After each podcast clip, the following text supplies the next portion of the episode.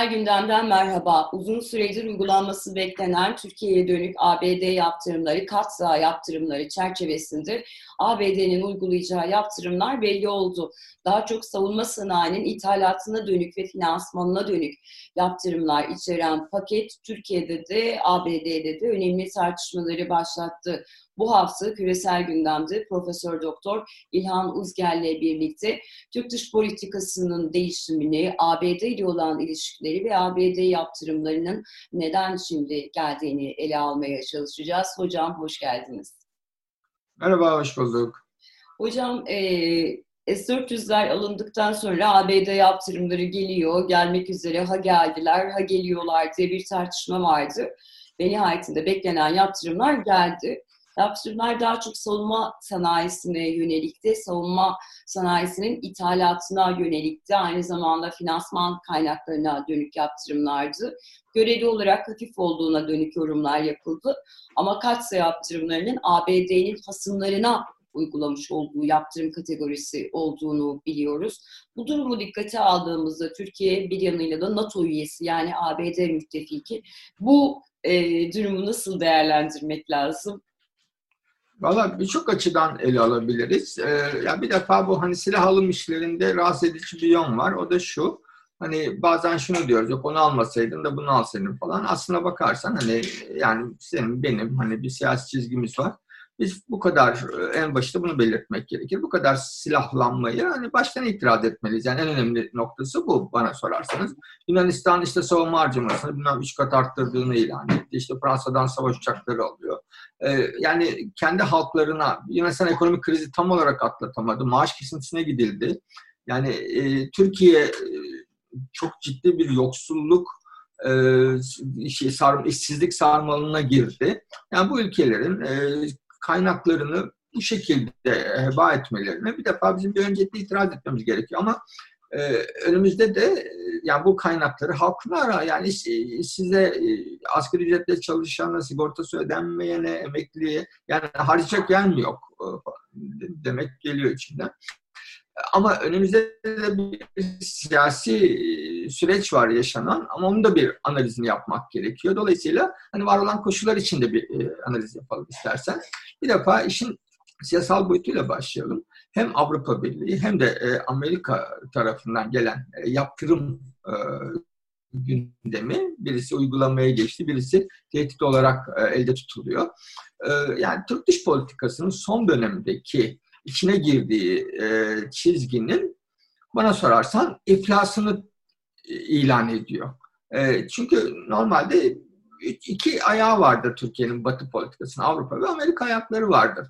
Ve genelde e, biriyle sorunlu olursa Türkiye'nin tarihsel olarak diğeri yani mesela darbe döneminde Avrupa Birliği tepkiseldir. Amerika hani göz yumar destek sağlar falan Abi gibi. Dengeleyici gibi değil mi hocam? Birbirlerini dengelemekte kullanıyordu Türkiye. Tabii ki yani güç odaklarını siyaset kullanmayı e, öngörür. Yani dış politika. Yani sen Rusya'yı, Avrupa Birliği'ni ve Amerika'yı birbirine kullanabilirsin. Bunda bir sorun yok. Yani cari siyaset yapıyorsan, real politik üzerinden hareket ediyorsan bu bu yapılabilir. Yani bu buna niye yapıyorsun denmez. Bu bunu 1920'ler ve 30'larda da yapıldı bu yani e, dünyadaki güç merkezleri birbirine karşı kullanıldı. Fakat burada ben bunu hani gazete duvara da yazmıştım.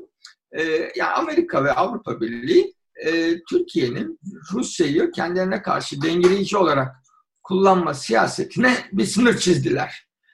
E, ve bunu tıkadılar. Bu, bu, bu anlamda hocam o sınırın tabii. tanımlayıcısı oldu sanıyorum. Tabii, tabii. En kritiği oydu ama işte Suriye'de Astana sürecine girmek vesaire gibi e, olaylar, e, politikalar.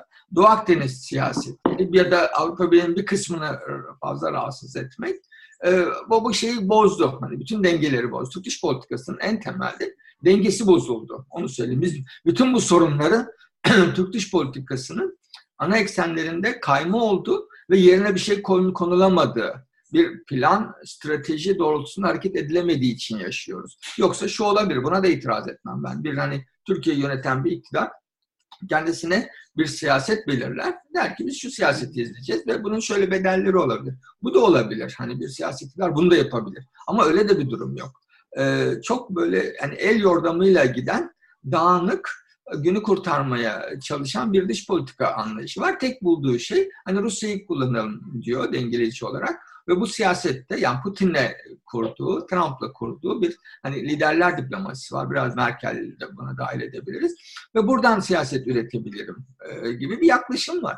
Şimdi bu, bu, bu olmadı. Yani çünkü dış politikada başarı ya da başarısızlığı ölçmek çok zordur.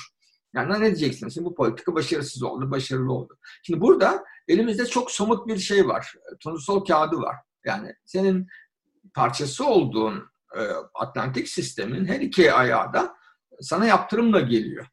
E, dolayısıyla da şey değil, buna karşı da bir önlem alamıyorsun. Mesela Almanya'da şey biliyorsun, Türk gemisine e, neredeyse hani şey IŞİD gemisi muamelesi yapıldı neredeyse ve Türkiye bakın hemen unuttuk.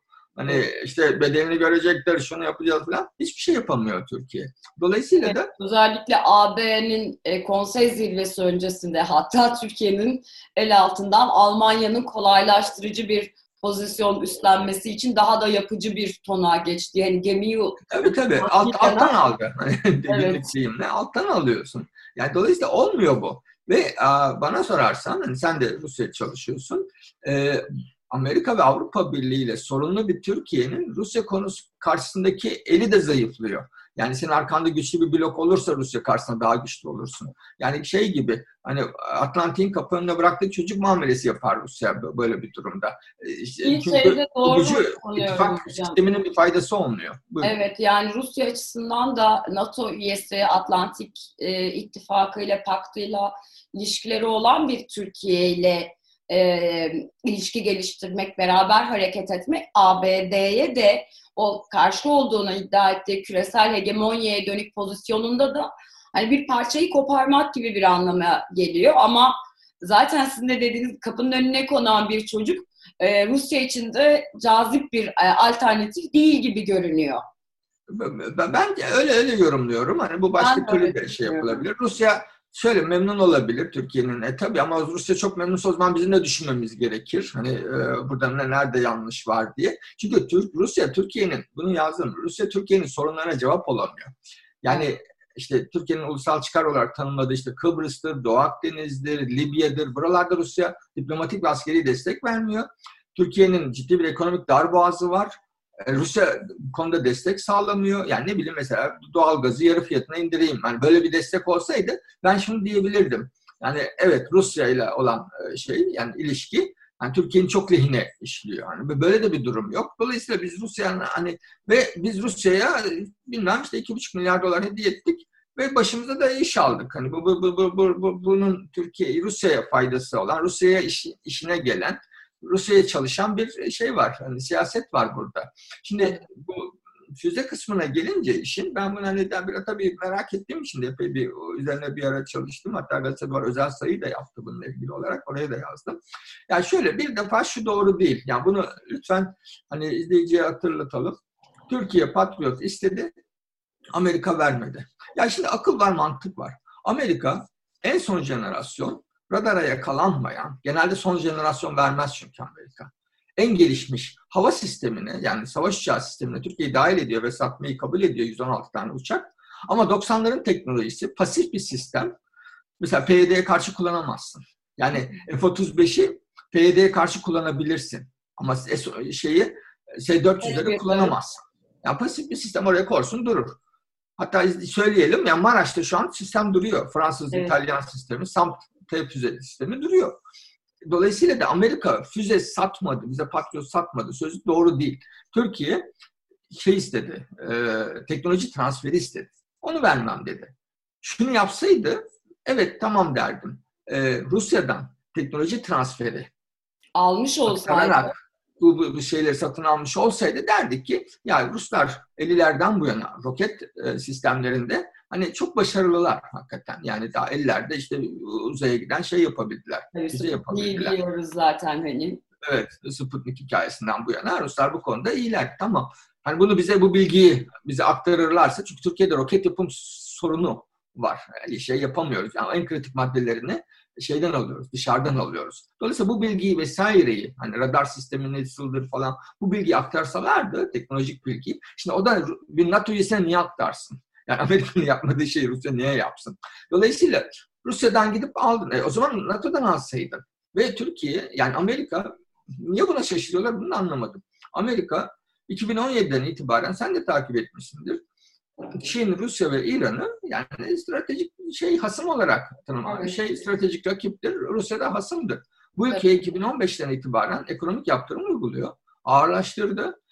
O şirketlere yani o savunma sistemini S-400'leri üreten e, şirkete de özel yaptırım uyguluyor. Ki, bu şirketle özellikle şey yapmayın.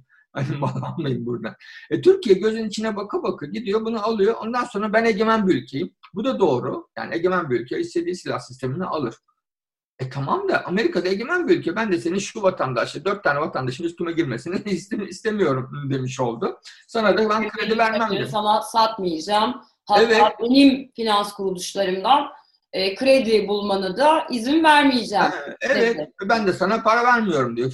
Şey vermiyorum, hani finans sağlamıyorum. Amerika'da egemen bir ülke. Ben de tepkimi. Çünkü sen benim düşman belirlediğim bir ülkeden e, savunma hassas savunma sistemi alıyorsun ve bunun yanına bir de F-35 şeyi, uçakları almak istiyorsun. Ve Türkiye tarihinin bana sorarsanız en yanlış kararıdır. Erdoğan niye bunda ısrarcı? Bunu da tam olarak e, çözemedim ve tarih çözecek büyük ölçüde. Bizim bildiğimiz Erdoğan biliyorsun son noktada özellikle Amerika ile ilişkilerde pragmatiktir. Evet. Yani şey yap sonuna kadar gitmez. Bizim hani bir sürü insanın tahmini yani bunları kapatıp bir şekilde orta yol bulup yani tamamen inaktive edip işte şey yapıp e, Akıncı'da bir hangara kapatıp bu, bu konuyu sessizce geçiştirmesi. Ama gitti Sinop'ta deneme yaptılar mesela.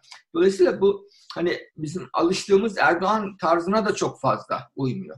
Yani burada Erdoğan'ı bağlayan e, bir e, başka etken mi var? Yani Rusların Erdoğan üzerinde bir yaptırım gücü mü var? İçerideki e, işte daha Rusyacı ekiplerin, e, grup kesimlerin mi Erdoğan üzerinde bir etkisi var? Yoksa Şimdi e, S-400 gibi pasif bir sistem, yani ne zaman kullanılacağı belli değil. Yani İran ya da Rusya Türkiye'ye balistik füze atabilir. E zaten onu satan Rusya, ona karşı işleyip işlemeyeceğini bilmiyoruz. İran'ın da şu an hani burnunu şeyden yaptırımdan kaldırmasına. Mesela Suriye öyle. Yani tabii çok yakın. E, Suriye. Şimdi mesela bu generaller falan çıkıyorlar diyorlar ki işte IŞİD füze at. Ya şaka mı yapıyorsunuz? Ya biz tamam ben askerliği kısa dönem yapmış olabilirim ama e, ben yani, de yapmamış olabilirim ama. ama yani şimdi IŞİD'in bilmem kasabanın bir tarafından bir yere attı. Ya bunun aktive süre, aktivasyon süresi yarım saat ee, anladın mı? Hani şey bir sinyal gelse ya füze atılacak diye şey gelse hani böyle kalkıp hazırlanması falan e, yarım saat sürüyor ve hızlı bulunuyor. Yani, yani o füze atılacak da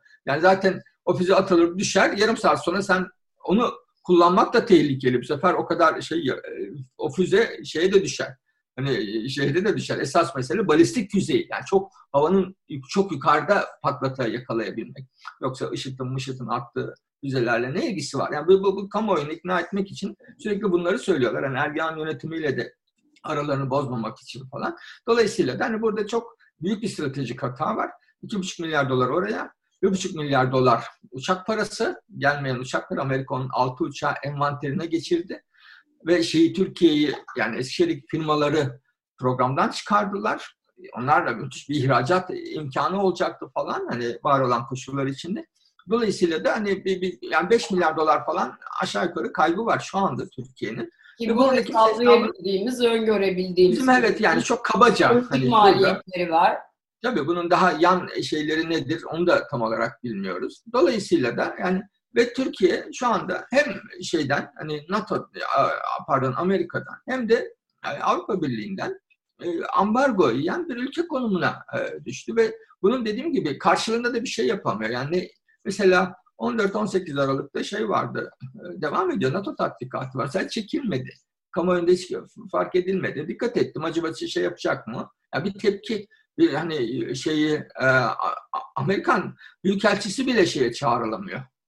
Hani dışlarına çağırdık, e, Mesela İran Büyükelçisini çağırdık, bilmem ne. Hani Erdoğan'a bilmem ne yapan ülkenin Büyükelçisini çağırdık. Bunlar bile yok. Büyükelçimizi Washington'dan çağırıyoruz. Hiçbir tepki yok. Bir, bir iç, iç kamuoyuna yönelik. Yani Erdoğan Amerika'yı Türkiye'ye, CHP Erdoğan'ı kendi seçmenine şikayet ediyor. Böyle bir döngü var Türkiye'de. Ben de oraya değinmek istiyorum hocam. Son olarak sizin de söylediğiniz gibi dış politika konusunda e, bir güvenlikleştirme şemsiyesi altında işte egemen devlet E, bu bizim milli güvenliğimiz. Söylemini Doğu Akdeniz'de duyduk, Suriye'de duyduk, S-400'lerde sık sık duyduk. Şimdi kasa yaptırımlarıyla yeniden duyduk. Pek çok e, muhalefet partisi, başta CHP olmak üzere hükümete e, bu konuda tam destek verdiklerini izah ettiler. Dediler ki hani dik durmamız gerekiyor ABD yaptırımları karşısında. E, böyle olunca iktidarın işi çok kolay olmuyor mu? Bana öyle geliyor. Yani hani milli güvenlik e, işte herkes bize karşı bakın yaptırım uyguluyorlar diyorsunuz. Ve Arkasında sıraya diziliyorlar. Yani bu şeyin ana muhalefet partisinin hani genel AKP ile e, muhalefet ediş tarzında bir genel sorun var. Yani AKP'yi köşeye sıkıştıramıyor muhalefet partisi. Ee, şeyi yani AKP iktidarının hani kaçmaktan kovalamaya fırsatının olmaması lazım. Ama sürekli olarak e, şey olan e, CHP'yi suçlayan şeyin AKP olduğunu görüyorum. Mesela sürekli milli olmamakla suçlu. Oysa AKP'nin bir başlasan yani üç gün gayrimilliliklerini sıralayabilirsin de yani bu kadar küreselleşmeci bir aktör nasıl aynı zamanda hani milli, yerli ve milli olsun. Hani bunların hepsini dö- dökebilirsin. Bu konuda yapılacak çok şey vardı. Bence mesela başka teknikler denenebilirdi. AKP'yi NATO'dan çıkmaya zorlamak gibi. Yani sen el yüksel. NATO'dan çık yapamayacak. Onun için şeyin eksini kırardın. Hani onun peşinde onun söylemine dahil olmak yerine başka bir yerden. İncirliğin kapatılmasını savun. Yani madem öyle.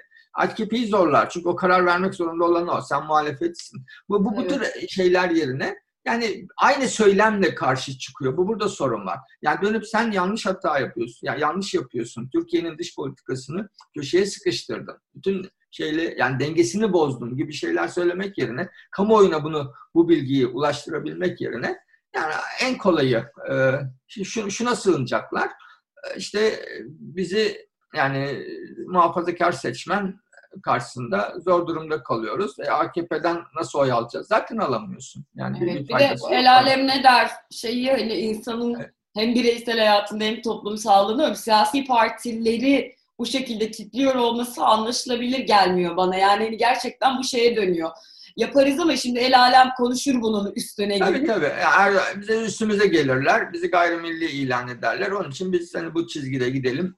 Ee, İyi Parti ile de şey yapmayalım. Hani çünkü İyi Parti bunu destekler. O, İyi Parti'nin uzağına düşmeyelim. Şeyde çatlak var görüntüsü vermeyelim. HDP imzalamıyor. Dolayısıyla bakın HDP İyi Parti yerine HDP ile işbirliği yapıyor e, derler gibi böyle kendi kendini köşeye sıkıştıran, başka bir alternatif söylem geliştiren, paralel bir alternatif söylem geliştiremeyen, pozisyon geliştiremeyen ve dolayısıyla da hani bunları yapamazsan en kolayı e, şeyle e, iktidarın söylemiyle buluşmaktır. O daha hani şey. Yani burada da CHP seçmeninde söylenir. Bir kısmı kabul eder bunu, milli dava der. Bir kısmı söylenir ama gene o gider oyunu verir. Bu kolay tercih tabii ki. Diğeri daha zahmetli bir işti muhalefet evet. Anladım hocam. Çok teşekkür ederiz. Yani hem dış politikada e, neler yaşandığını konuşmuş olduk. E, iktidarın bu konudaki stratejisi ve tıkanmalarını Rusya'nın bakış açısını da ele aldık. E, hem de Türkiye'de e, siyasi pratiklerde özellikle muhalefetin uygulamış olduğu e, taktik ve stratejilerin aslında iktidar açısından ne kadar kolaylaştırıcı bir e, rol üstlendiğinin altını çizdiniz. Profesör Doktor İlhan Uzger'le birlikte bu hafta ABD tarafından Türkiye'ye uygulanan katsa yaptırımlarını, S-400 füzelerini, Türkiye'nin patriotları istediğine ama ABD'nin vermediğine dönük Türkiye'nin tezinin gerçekliğini, Türkiye'de siyasi partilerin AKP ile yürütmüş oldukları ilişkilerde ve stratejide uygulamış oldukları politikaların yan etkilerini ele almaya çalıştık. Bizi izlediğiniz için teşekkür ederiz. Hoşçakalın.